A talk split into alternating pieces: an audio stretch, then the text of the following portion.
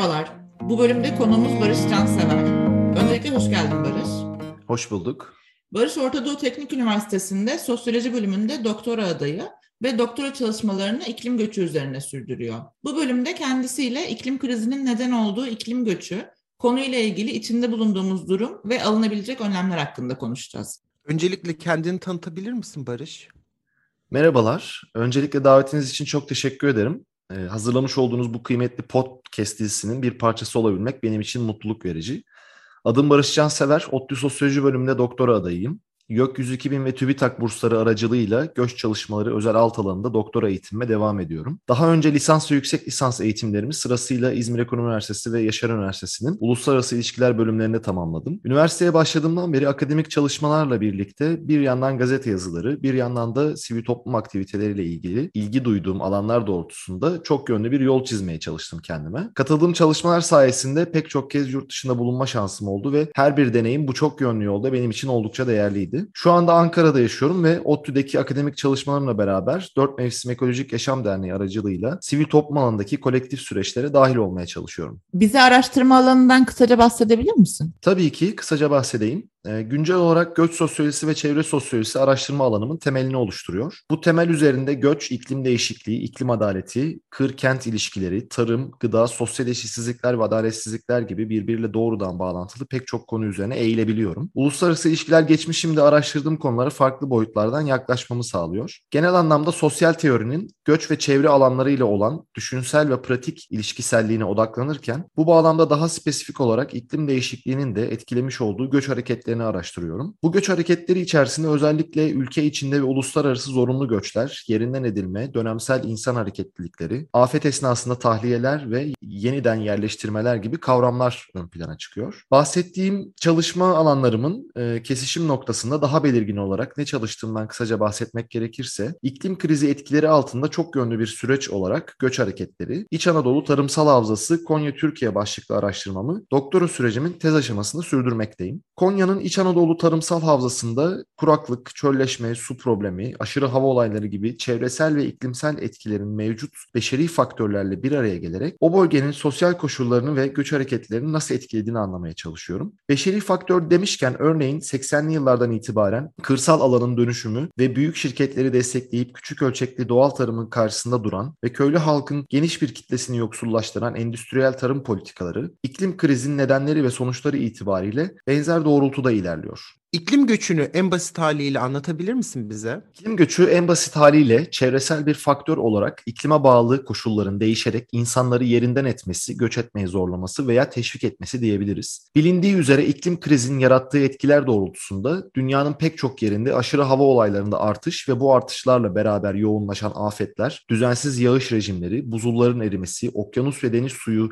seviyesinin yükselişi, ağırlaşan kuraklık ve çölleşme gibi olaylar doğrudan veya dolaylı olarak aniden gelişen veya uzun erimli süreçlerde göç hareketliliğine sebep olabiliyor. Örneğin aniden gelişen alışılagelmedik bir kasırga birkaç saat içerisinde insanları yerinden ederken tarımsal havzalarda kuraklık nedeniyle veya ada ülkelerinde su seviyesinin uzun yıllara dayalı yükselişiyle arka planı yavaş yavaş gelişen göç hareketlerinden bahsedebiliyoruz. Fakat bu basit tanım ve verdiğim örnekler çoğu zaman iklim göçünün detaylarını atlamamıza da sebep olabilir. Örneğin bir göç hareketinin tamamen iklimsel sebeplere bağlı olmasını tespit etmekte zorlanabilir diyebiliriz. Çünkü iklim kaynaklı faktörlerin yanında göçe aynı anda sebep olabilen sosyal, kültürel, psikolojik, ekonomik, siyasi ve yönetimsel durumlarda söz konusu olabiliyor. Böylelikle genelde karşımıza çoklu faktörler dediğimiz bir resim çıkıyor. Ortaya çıkan bu karmaşık resimde yaptığımız araştırmalar sonucunda iklim değişikliğinin ne derece etkili bir faktör olduğunu kamuoyuna hissettirebiliriz düşüncesindeyim. Peki iklim krizinin iklim göçüne etkileri nasıl olacak? Bence çok önemli bir soru bu. Öncelikle iklim krizinin iklim göçüne olan etkilerini anlayabilmek için tarihsel sürece odaklanmamız gerekir. Sebepler, süreçler ve sonuçlar bağlamında bir bütünsellik taşıyan bir konu bu. Tarihsel olarak atmosferde biriken ve birikmeye devam eden sera gazı emisyonlarının tarihine yönelik politik, ekonomik ve sosyal merceklerle donatılmış arkeolojik bir inceleme yapıyoruz aslında. Hangi ülkenin, devletin, topluluğun, ulus devlet sınırları içerisindeki sınıfsal grupların güç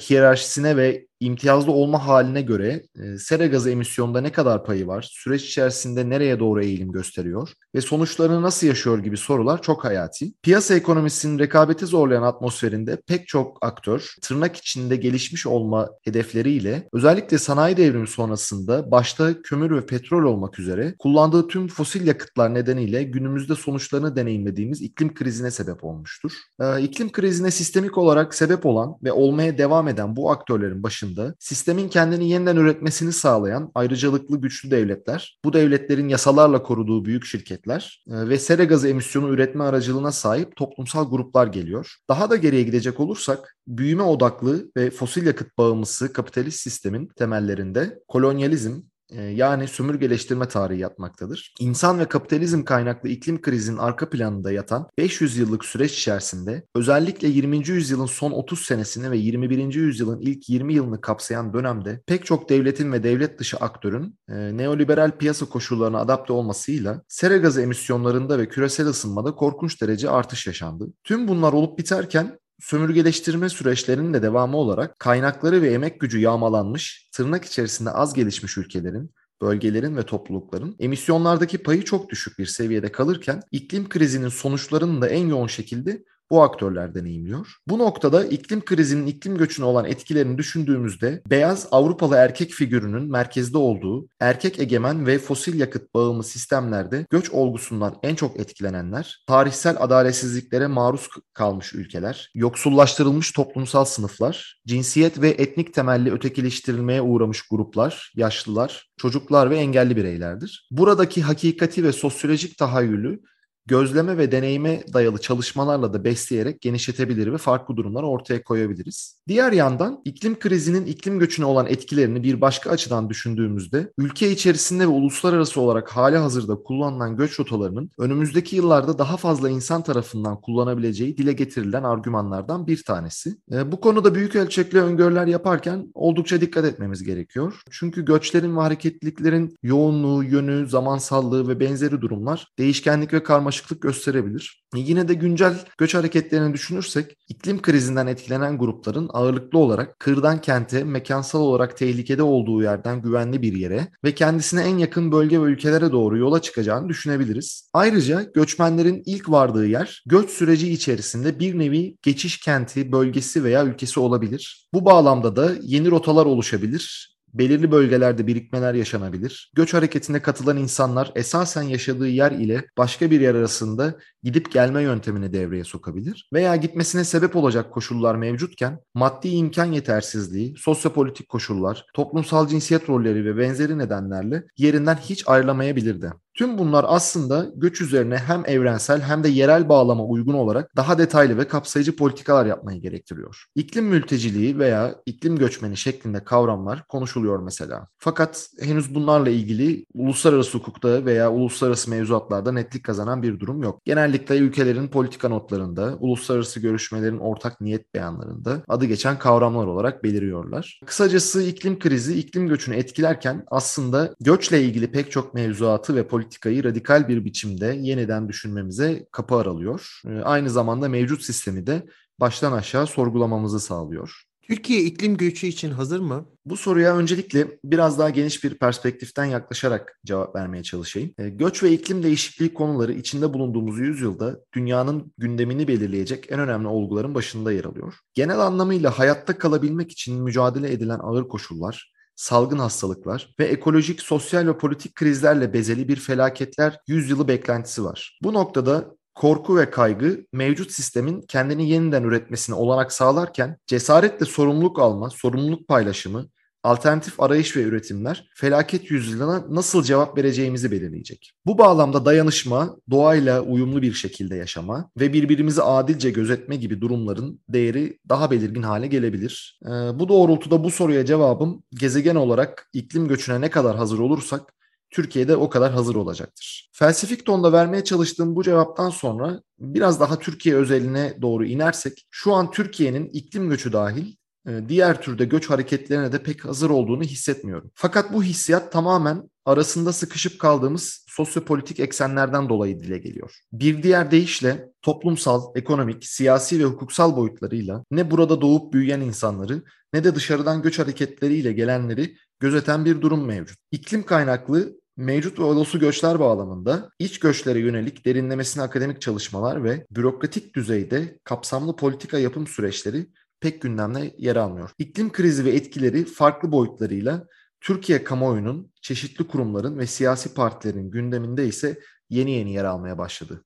Özellikle geçtiğimiz yıllar içerisinde yaşanan sel, taşkın, heyelan, beklenmedik hava olayları, devasa orman yangınları, şiddetli kuraklık ve tükenmekte olan su kaynakları gibi mevzular hem toplum nezdinde hem de politikacılar arasında çokça konuşulmaya başlandı. Medyanın, sivil toplum örgütlerinin, meslek odalarının ve sendikaların da desteğiyle bu konudaki farkındalık ve algı olumlu yönde değişmeye devam edebilir. Fakat iklim göçüne dair gerçeklerle yüzleştiğimiz zaman biraz geç kalmış olabiliriz. O nedenle şimdiden hem iç hem de dış göç kapsamında iklim göçüne dair kapsayıcı ve etkin politikalar oluşturulmalı. Uluslararası kamuoyunda, bilim sanat çevrelerinde dışlayıcı değil, bir arada olmayı gözeten yaklaşımlar sergilenmelidir. Türkiye ve diğer ülkeler ancak bu şekilde iklim göçüne hazır olabilir.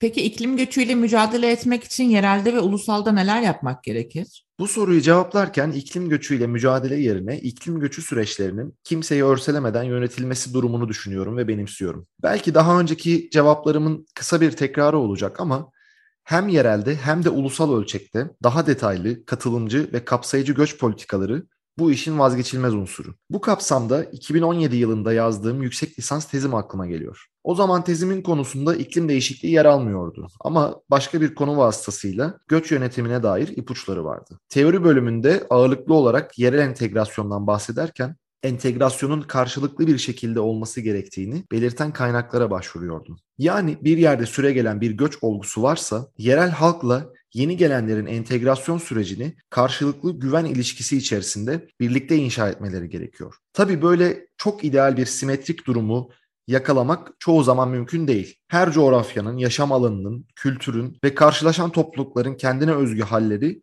ve ortaya koydukları tutumlar var. Bunu doğal karşılayarak karşılıklı iyi niyet ve emek süreçlerini beslemek gerekiyor. Bu noktada yerel yönetimlerin ve ulusal çapta karar alıcıların ortaya koyacakları etik, politik ve yasal yaklaşımlarla süreci kolaylaştırmaları elzem bir durum. Bunu yaparken toplulukların gereksinimlerini göz önünde bulunduran, ekolojik tahribata yol açmayacak bir yol haritası çizilmeli. Hiyerarşik yapıların ters yüz edildiği ve ağırlığını neredeyse hiç hissettirmediği, gerçekten katılımcı ve demokratik toplumların temelini belki de iklim göçlerinin yaşandığı süreçler sonrasında deneyimleyeceğiz. Bunu başaramazsak sosyal ve ekolojik anlamda bizi daha çetrefilli günler bekliyor olacak. Paylaştığın güzel bilgiler ve yorumların için çok teşekkür ederiz Barış. Bir sonraki bölümde görüşmek üzere. Hoşçakalın.